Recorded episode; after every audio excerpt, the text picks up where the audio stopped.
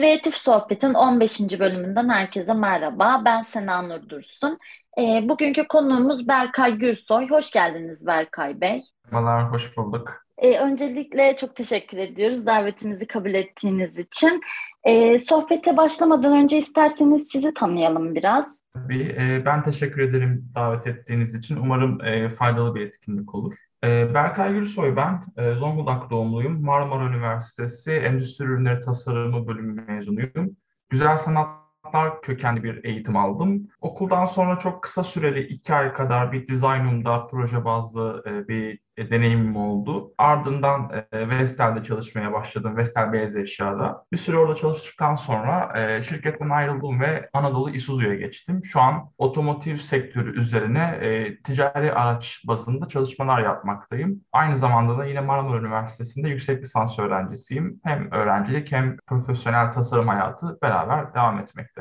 Evet, e, aslında ilk olarak e, sormak istediğim ve hepimizin de böyle kafasını karıştıran e, endüstriyel tasarımda yine işte iç mimarlık, mimarlık, endüstriyel tasarım bu bölümlerin çalışma alanları çok geniş oluyor aslında. E, evet. Ve okurken öğrencilerin kafasında hangi alana karşı kendimi geliştirebilirim ve nasıl yapabilirim bunu gibi sorular oluyor. E, siz neler önerirsiniz bu konuda? E, okurken yüksek lisansa dahil olmak üzere bunun içine e, kendilerini geliştirmek istedikleri alanı bulmaları konusunda? Ee, endüstriyel tasarım çok geniş bir kavram. Aslında bu kendini geliştirmek istediğin alanı bulma mevzusu hepimizin başına gelen bir konu. Ee, bunun da aslında en temel sebebi tam olarak yani ne yapmamız gerektiğini bilmememiz ve bu arayış içerisinde olmamız.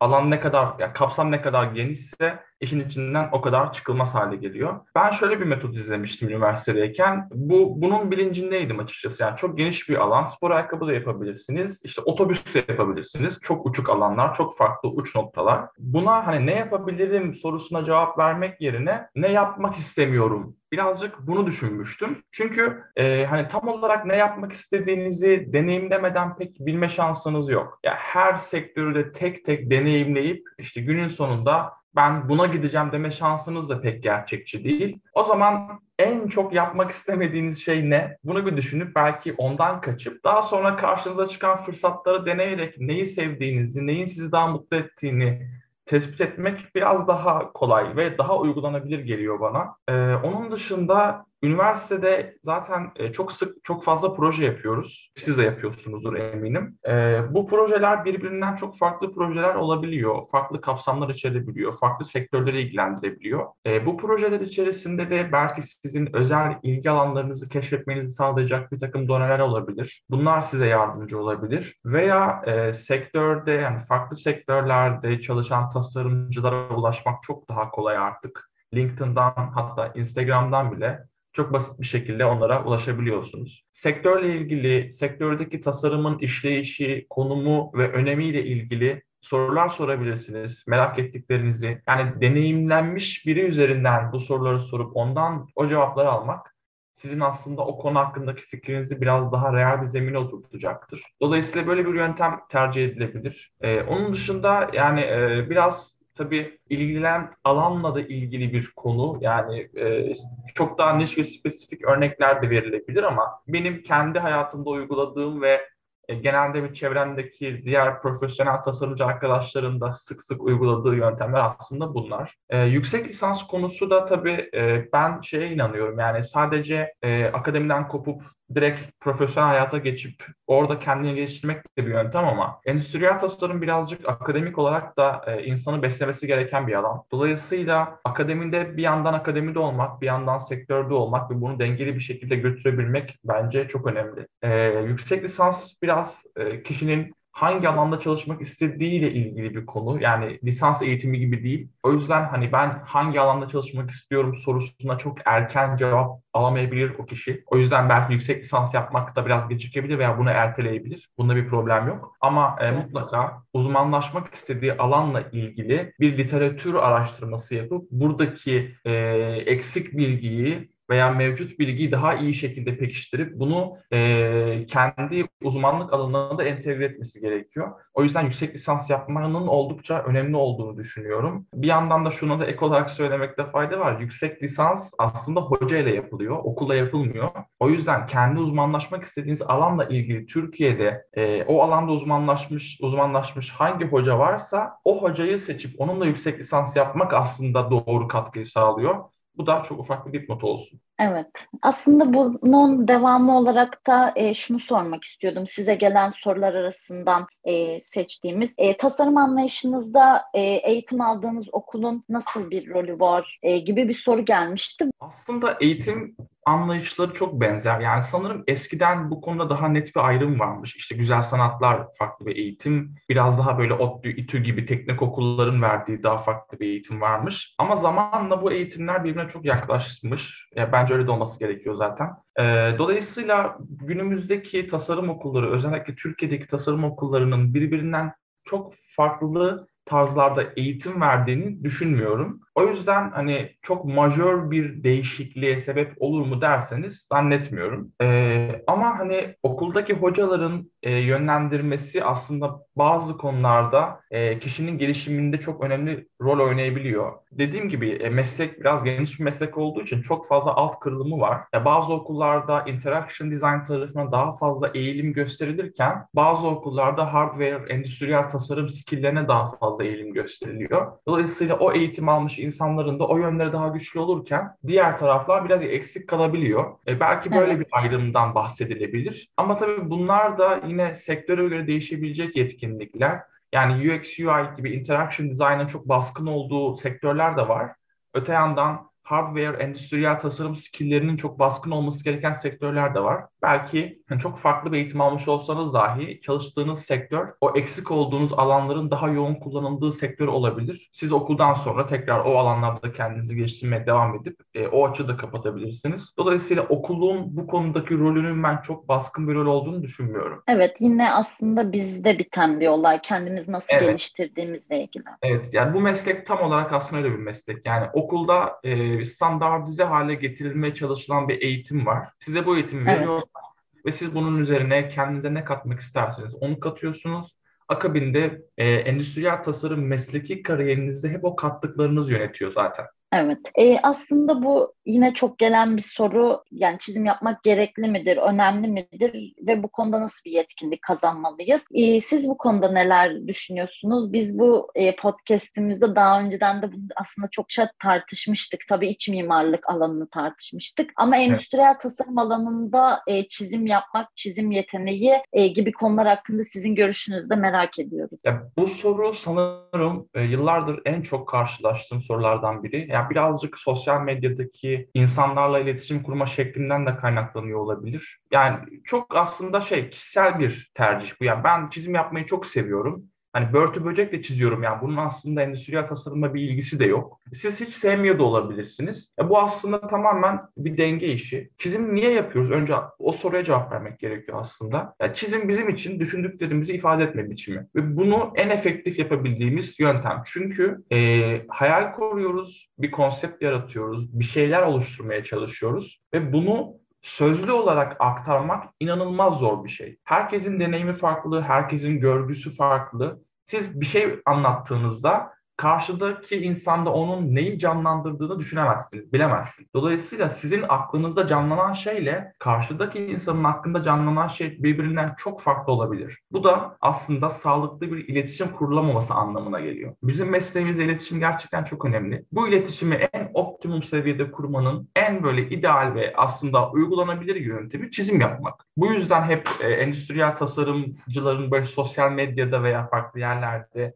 çizimlerle e, dikkat çekmeye çalıştığı mı diyeyim artık veya bu şekilde projeleri ön plana çıkartması mı diyeyim. Hep bununla gündeme geldiğini görüyorsunuz. Bu çok basic evet. bir sistem aslında. Yani çizim her endüstriyel tasarımcı derdini ifade edebilecek kadar kalem oynatabilmeli. Bunu e, çok profesyonelce yapmak bir tercihtir ama bence buna gerek yok. Çünkü e, sosyal medyada veya işte farklı yerlerde, Pinterest'te, Behance'de o gördüğünüz müthiş çizimler aslında tabii genelleme yapmak çok doğru değil ama ağırlıklı olarak böyle yapıldığını bildiğim için bu konuda rahatça konuşabiliyorum. E, genelde ürünler bittikten sonra ürünleri sunmak için üzerinden yapılan çizimler. Yani e, ortada bir ideation varken, henüz konsept oluşturma aşamasındayken hiçbir tasarımcı o kadar detaylı ve o kadar mükemmel çizim yapmakla uğraşmaz. Her şey değişebilir, tasarımda yeni kararlar alınabilir, mekanik olarak, mühendislik olarak farklı çözümlere gidilebilir ve tasarımın yapısı sürekli değişebilir. Siz her seferinde o kadar vakit ayırıp, o kadar profesyonel bir çizim yaptığınızda bu aslında zamanı efektif kullanamamak anlamına da geliyor. Dolayısıyla sizin böyle mükemmel çizmek yerine o anki ihtiyacı karşılayabilecek en ideal ve en optimum şekilde çizip bunu karşı tarafa aktarabilmeniz gerekiyor. Tüm mesele bu. Yani e, çok mükemmel marker kullanmak, çok mükemmel dijital çizim yapmak, böyle yıllarca çizim kurslarına gitmek, çok güzel işte kara kalem portreler yapmak bunlar bizim işlerimiz değil aslında. E,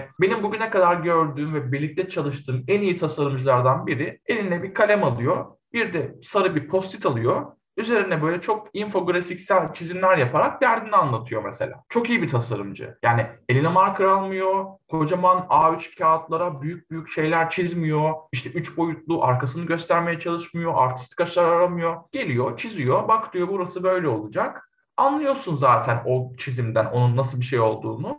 Kafanda farklı bir şey canlanmıyor ve iş orada bitiyor. Yani dolayısıyla çizim yapma konusuna e, her tasarımcının bir şekilde müdahil olması gerekiyor. Ama bunu takıntı haline getirip bu alanda mükemmelleşmesine gerek yok. Böyle bir ihtiyaç yok. E, ben her zaman şunu söylüyorum. Mükemmel çizim yaptığınızı hayal edin. Dünyanın en iyi çizen insanı sizsiniz. Ne elde edersiniz? Tek elde edebileceğiniz şey çok iyi bir resim öğretmeni olursunuz. Başka hiçbir kazanım olmaz size. Evet. Çünkü tasarım çok dediğim gibi az önce de söyledim çok fazla alt kırılım olan bir şey. Çizim yapmak bu alt kırılımlardan sadece bir tanesi. Diğer alt kırılımların hiçbirine bu önemi göstermeyip sadece çizim yapmaya bu kadar önem göstermek sizi asla iyi bir tasarımcı yapmaz. Evet, e, aslında tasarım e, bir ürün ortaya çıkarıyoruz ve onu hamur gibi sürekli e, farklı şekilleri aslında bürünüyor e, ve bu sizin de dediğiniz gibi onu çok iyi bir şekilde, gerçekçi bir şekilde çizmeye kalktığımızda fazla bir süre oluyor ve bu da hani işi yetiştirmek, hani farklı onun e, gereksinimleri de oluyor çünkü tasarımcı içinde. Çünkü bağlı olduğu bir yer var, çalıştığı bir yer var belki. E, bu konuyu da aslında konuşmak iyi oldu çünkü çok fazla sorulan bir konu gerçekten. Hiç endüstriyel tasarım ya da e, bu bölümlere bilgisi olmayan insanlar tabii ki acaba çizim yapmadan bu okula gittiğimde başarılı olabilir miyim gibi şeyler düşünüyorlar. Evet. E, o yüzden de çok yararlı oluyor bunları konuşmak. Hazır bu konu açılmışken şöyle bir hani bir alt başlık da verip onu da tartışmak yararlı olabilir bence. Çok kısa ondan da bahsedelim. Genelde bu soruyla beraber şey de çok soruluyor. Yani ya ben benim çizime karşı bir yeteneğim yok. Ben bu bölümde nasıl okuyacağım? Bunun bir yetenek e, işi olduğunu ve bu yeteneğe sahip olmadığı için bölümü okuyamayacağıyla ilgili bir çekince var aslında kişide. Evet. Ee, burada bahsedilen çizim yapma eylemi hani Rembrandt'ın, Picasso'nun yaptığı gibi bir çizim yapma eylemi değil. Bu tamamen belirli bir tekniğe dayalı. Yani e, trigonometri çözmek gibi düşünün bunu. Ve belirli bir mantığı var. Belirli bir e, rasyonel bir karşılığı var. Siz o rasyonel karşılığı öğrenmeye çalışacaksınız. Herkesin yapabileceği şekilde zaten bunu en doğru metodu e, pek çok hani yardımcı kitapta, YouTube videolarında, işte Udemy'deki çeşitli kurslarda veya böyle fiziksel birebir yapılan kurslarda öğretiliyor. Çok kısa sürede e, az önce bahsettiğimiz gibi derdinizi anlatabileceğiniz seviyeye gelecek kadar çizim yapmayı öğrenebilirsiniz. Yani sonra dersiniz ki ben Picasso olmak istiyorum. Evet o zaman yetenekten bahsedebiliriz. Ama biz tasarımcıyız. Picasso olmak gibi bir amacımız yok. Dolayısıyla yetenekten bahsetmek çok doğru değil. Evet kesinlikle. Ee, yine aslında genç tasarımcı adaylarına, öğrencilere de aynı zamanda önerilerinizi şu konuda da merak ediyoruz. E, network oluşturmak çünkü yani bu hep bu bölümlere girmeden önce herkesin söylediği işte çevren olması lazım, network'ün olması lazım gibi e, bazı sözler tabii ki dönüyor. Hepimiz de bunları duyuyoruz ama e, hem bunun önemini yani ne kadar önemli bir tasarımcı için hem de bu konuda neler önerirsiniz? Çünkü yeni mezun olan çok fazla arkadaşımız var. E, onlara da önerilerinizi merak ediyoruz. E, aslında böyle en temelde iki yol var sanırım network oluşturmak için. Bunlar çok böyle e, bir tanesi aslında sizin elinizde olmayan bir yol. Diğeri de Hani öyle bir imkanınız yoksa ne yapabilirsiniz sorusunun cevabı olabilir. Birinci yol aslında okulun size sağladığı bir imkan. Endüstri ürünü tasarımında bu var. Hani iç mimarlıkta var mı tam hatırlayamıyorum. Son sene e, şirketlerle bitirme projesi yapmak. Aslında bu network oluşturmanın en mükemmel yolu. Çünkü siz e, o şirketin işleyişi hakkında bilgi sahibi oluyorsunuz. O şirketteki tasarımcılarla doğrudan iletişim kurabiliyorsunuz. Kendinizi kanıtlama şansınız var. Portfolyonuza daha sağlam, e, daha iyi bir ürün ekleme şansınız var. Veya o şirketteki e, referanslarınızla başka şirketlere geçebilme şansınız var. Yani okulların son sene öğrencileri şirketlerle çalıştırabiliyor olması çok güzel bir network oluşturma yöntemi. Bizim evet. okul mesela e, Marmara Üniversitesi son sene öğrencileri e, şirketlerle çalıştırmıyor. Daha önce yaptığı gibi işte yine okulun kendi içerisinde bir proje dersi oluşturup kendisi konu veriyor. Yani bizim okul, okulun böyle bir network oluşturma şansı yok. Bu durumda ne yapabiliyorsunuz? Aslında ben e, benim sosyal medya hesabı açmamdaki en temel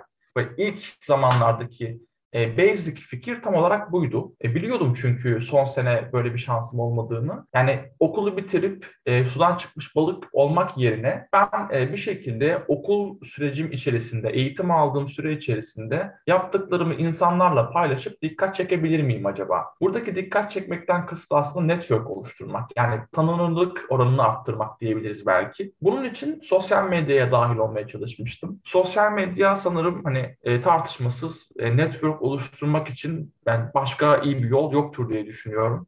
Evet. E, sadece Instagram'da işte ID hesabı oluşturmak gibi düşünülmesin lütfen bu. Güzel projeler yapıp Behance'e yüklemek de mükemmel bir network yöntemidir. E, veya e, farklı forumlarda, farklı etkinliklerde, workshoplara katılmak, oradaki tasarımcılarla tartış, tartışmak, tanışmak, görüşmek, onların iletişim bilgilerini almak da bir network yöntemidir. Yani aslında sosyal medya denilen dünyanın içerisinde bir yerlerden girip orada kendinize bir yöntem belirleyip bu yöntem kişiye göre değişir. Ben Instagram'a çizim yüklemeyi tercih etmiştim. Sen dersen dersin ki ben e, projelerimi Behance'e yükleyeceğim. Öbürü başka bir şey söyleyebilir. Ama herkesin ortak noktası sosyal mecra. Sosyal mecrada bir şekilde e, buluşup oradan doğru bu network'ü sağlamaya çalışmak bence çok güzel bir yöntem. Çok etkili bir yöntem. E, kesinlikle de işe yaradığını söyleyebiliriz. Eğer okulunuzda son sene bitirme işi şirketlerle yapılıyorsa bence yine sosyal medyaya başvurmak gerekiyor. Çünkü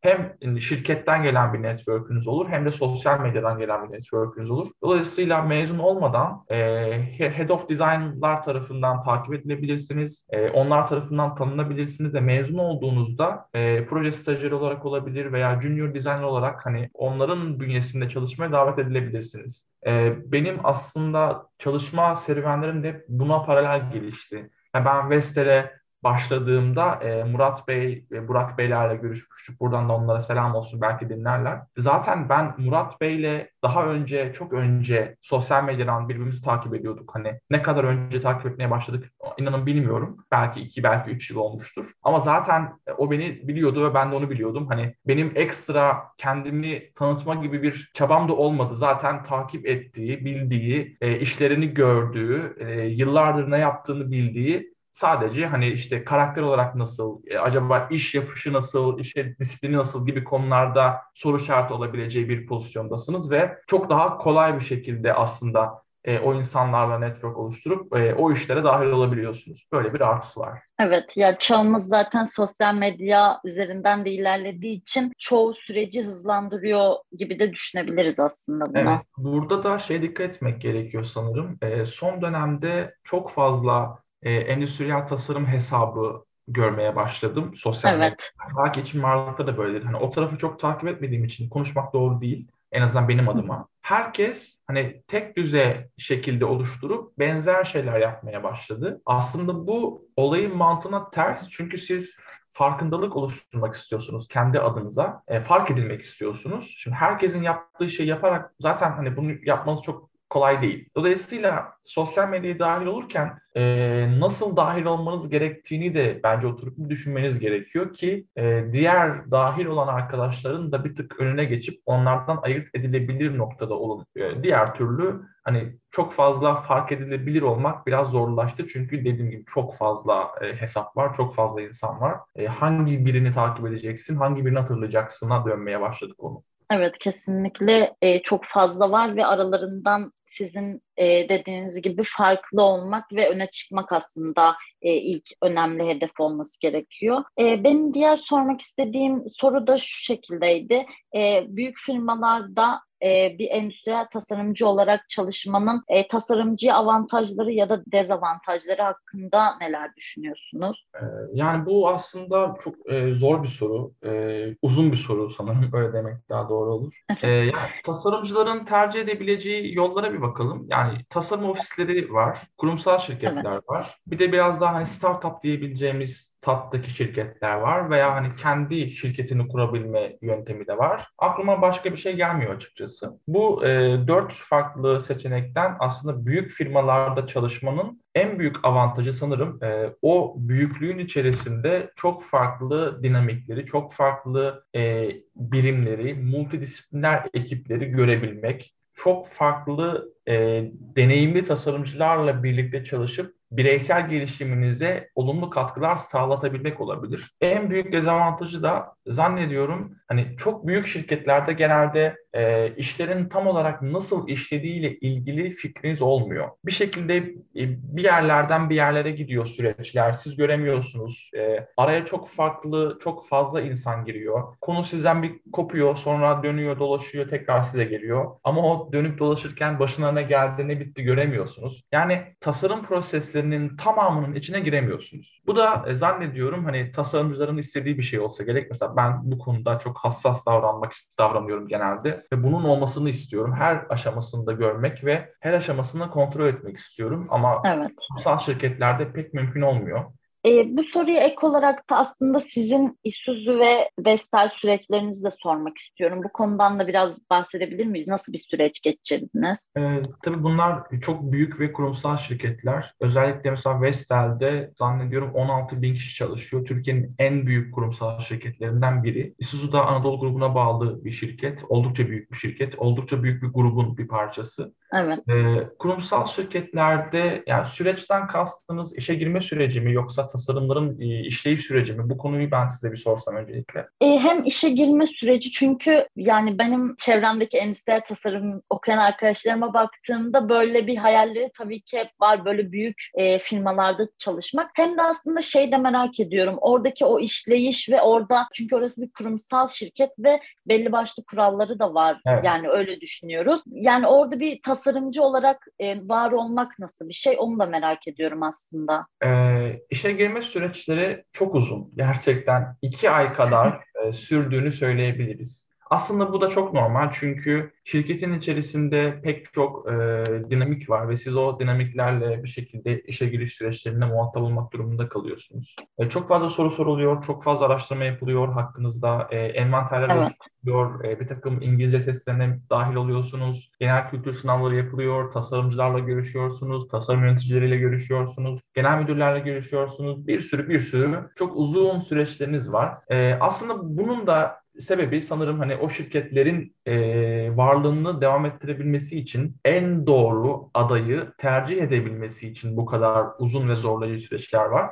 Yani hani e, bazen insanın aklına şey gel geliyor öğrenciyken ben mesela bunu düşünürdüm. Ya acaba hani torpil yapılıyor mudur e, bu tip şirketlerde diye böyle bir aklımdan geçiyordu. Bizzat yaşadığım için e, kesinlikle böyle bir şeyin söz konusu dahi olamayacağını söyleyebilirim. Çünkü o kadar çok süreç var ki yani bir yerde torpilli olsanız bile bir yerden sonra gidemeyeceksiniz zaten belli ki. O yüzden torpilli olmanın hiçbir e, avantajı yok. E, tamamen hak eden, e, bileğinin hakkıyla kazanan insanların e, ilerleyebildiği süreçler. O yüzden e, bu şirketlerde zaten az önceki sorulardan biri de buydu. Çok iyi tasarımcılar çalışıyor ve siz bu şirketlere girdiğinizde gerçekten o insanlardan çok değerli şeyler öğreniyorsunuz. İşe girme süreçleri dediğim gibi biraz e, zorlayıcı ama günün sonunda e, bu süreçlerin hepsi bir şekilde bitiyor ve siz artık büyük bir e, dişlinin, büyük bir çarkın parçası haline gelmeye başlıyorsunuz. E, tasarım süreçleri hakkında bahsedecek olursak da kurumsal şirketlerde genelde tasarım prosesleri biraz uzun sürüyor diyebiliriz. Çok büyük şirketler dolayısıyla çok büyük yatırımlar yapabiliyor. E, dünyada rekabet halinde olduğu çok farklı, çok fazla firma var. Bunlarla rekabet edebilmek için çok e, doğru kararlar alması gerekiyor, doğru ürünleri çıkartması gerekiyor, doğru teknolojiyi kullanması gerekiyor. E, işin içerisinde çok fazla endüstriyel tasarımın dışında da çok fazla parametre var. Bu parametrelerin hepsinin tartışılması, e, bu parametrelerin değerlendirilmesi ve e, endüstriyel tasarıma bir projenin gelmesi başlı başına çok e, büyük bir olay aslında. Bunu anlatmaya çalışıyorum. Ama tabii siz hani e, o süreçleri çok fazla görmüyorsunuz. Çünkü sizin süreciniz aslında o e, fizibilitesi yapılmış proje endüstriyel tasarım ekibine geldikten sonra başlıyor. Size e, eğer e, hani tam olarak konunun da kapsamına bağlı tabii ama çok e, sağlam bir brief geliyor olabilir veya biraz daha böyle ucu açık bir brief geliyor olabilir ama mutlaka e, size bir brief gelir, bir ister gelir, proje isteri. Bu proje isterini siz ekibinizle oturup değerlendirirsiniz. Nasıl yapmanız gerekiyor, e, nasıl ele almanız gerekiyor konuyu buna karar verirsiniz. Ardından endüstriyel tasarım prosesleri başlar. E, şirketlerin danışmanlık hizmeti aldığı, trend analizi yapan, e, teknoloji analizi yapan, tasarım analizi yapan farklı firmalar olabiliyor. Bu firmalar sürekli olarak rapor yayınlıyor ve e, o senenin, e, önündeki işte önümüzdeki 5 senenin, 10 senenin mega tasarım trendleri ne olacak? Bunlarla ilgili size e, aslında kullanabileceğiniz, işleyebileceğiniz doneler sağlamış oluyorlar. Siz bu verileri kullanıp oluşturmuş olduğunuz e, plan çerçevesinde bir takvim ortaya çıkartıyorsunuz ve o takvime göre süreçler başlıyor. Projenin kapsamına göre, projenin ölçeğine göre,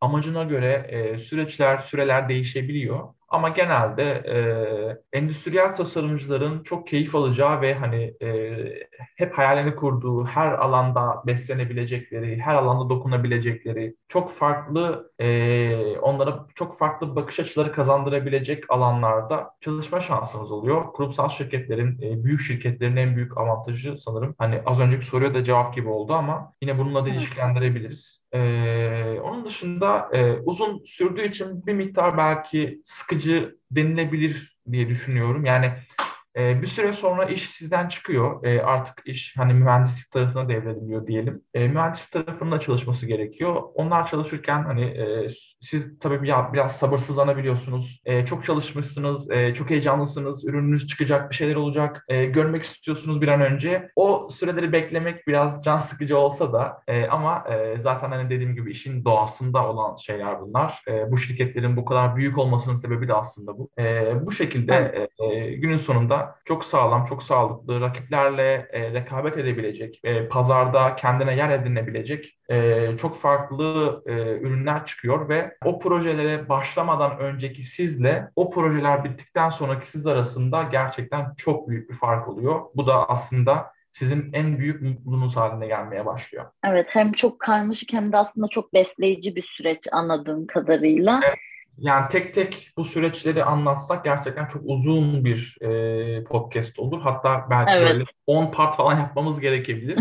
Ama en kaba tabirle birazcık hani hislerle ilgili de yorum yapmak gerekirse bu şekilde olduğunu söyleyebilirim. Ee, diğer sormak istediğim şey de yine size gelen sorular arasından UX alanı hakkında e, düşünceleriniz ve aslında şöyle de bir soru gelmiş. Bu alana yönelen e, tasarımcıların iş bulma süreçleri daha mı kolay olur? Ee, UX alanıyla ilgili doğrudan bir deneyimim olmadı. Dolayısıyla çok fazla bu alan hakkında konuşmak doğru değil diye düşünüyorum. Sadece şöyle bir e, dipnot geçmek gerekiyor. Aslında user experience endüstriyel tasarımın bir parçası. Yani bunları çok ay- ayırmak da mantıklı değil bir yandan. Çünkü biz bunun da yani aldığımız eğitimin bir parçası bu. Bunun da e, eğitimini alıyoruz ve projelerimizde zaten bunu kullanıyoruz. Sadece e, kullanma ağırlığımız belki biraz daha düşük olabilir. Dolayısıyla bir UX uzmanının bunu kullanmasıyla bizim e, yaptığımız hardware, endüstriyel tasarım işlerinde bunu kullanmamız pek aynı değil. O yüzden ben bir UX uzmanı olmadığım için bir UX uzmanına soruyormuşçasına cevap veremem. Sadece e, gözlemlediğim bir şey var. O da evet yani şu an çok fazla talep var bu alanda. UX, UI alanında özellikle. E,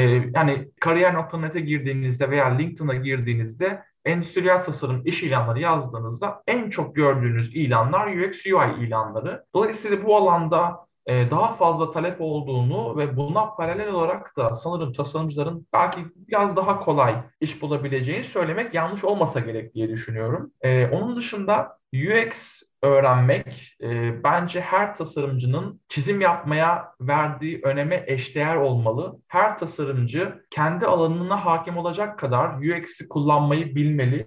E, UX uzman olmaktan bahsetmiyorum. O başka bir tercih. Ama ne yapıyorsanız yapın UX'i bilmeniz gerekiyor ve bu UX ile beraber tasarım oluşturabilmeniz gerekiyor ki ortaya bağlam ve ürün anlamında bir e, mantıklı bir çerçeve oluşsun. Yoksa bağlamı kopuk, e, anlamı kopuk, e, çok böyle başarılı olmayan ürünlerin ortaya çıkmasına sebebiyet verebiliyor bu eksiklik. Okullarda çok fazla hocaların istediği bir şey değil. Yani en azından benim eğitim aldığım dönemde yani mutlaka fiziksel bir ürün görmek istiyor hocalar. O yüzden birazcık öğrencileri bu alandan uzaklaştırdıklarını söylemek yanlış olmaz. Ama bu eksikliği mutlaka e, okulda kapatamıyorsak da okuldan sonra farklı eğitimlerle belki bir şekilde kapatıp e, tasarım süreçlerimizde mutlaka olabildiğince efektif bir şekilde kullanmamız gerektiğini düşünüyorum. Umarım soruya cevap olmuştur. Evet aslında zaten endüstriyel tasarım mesleğinin bir gerekliliği e,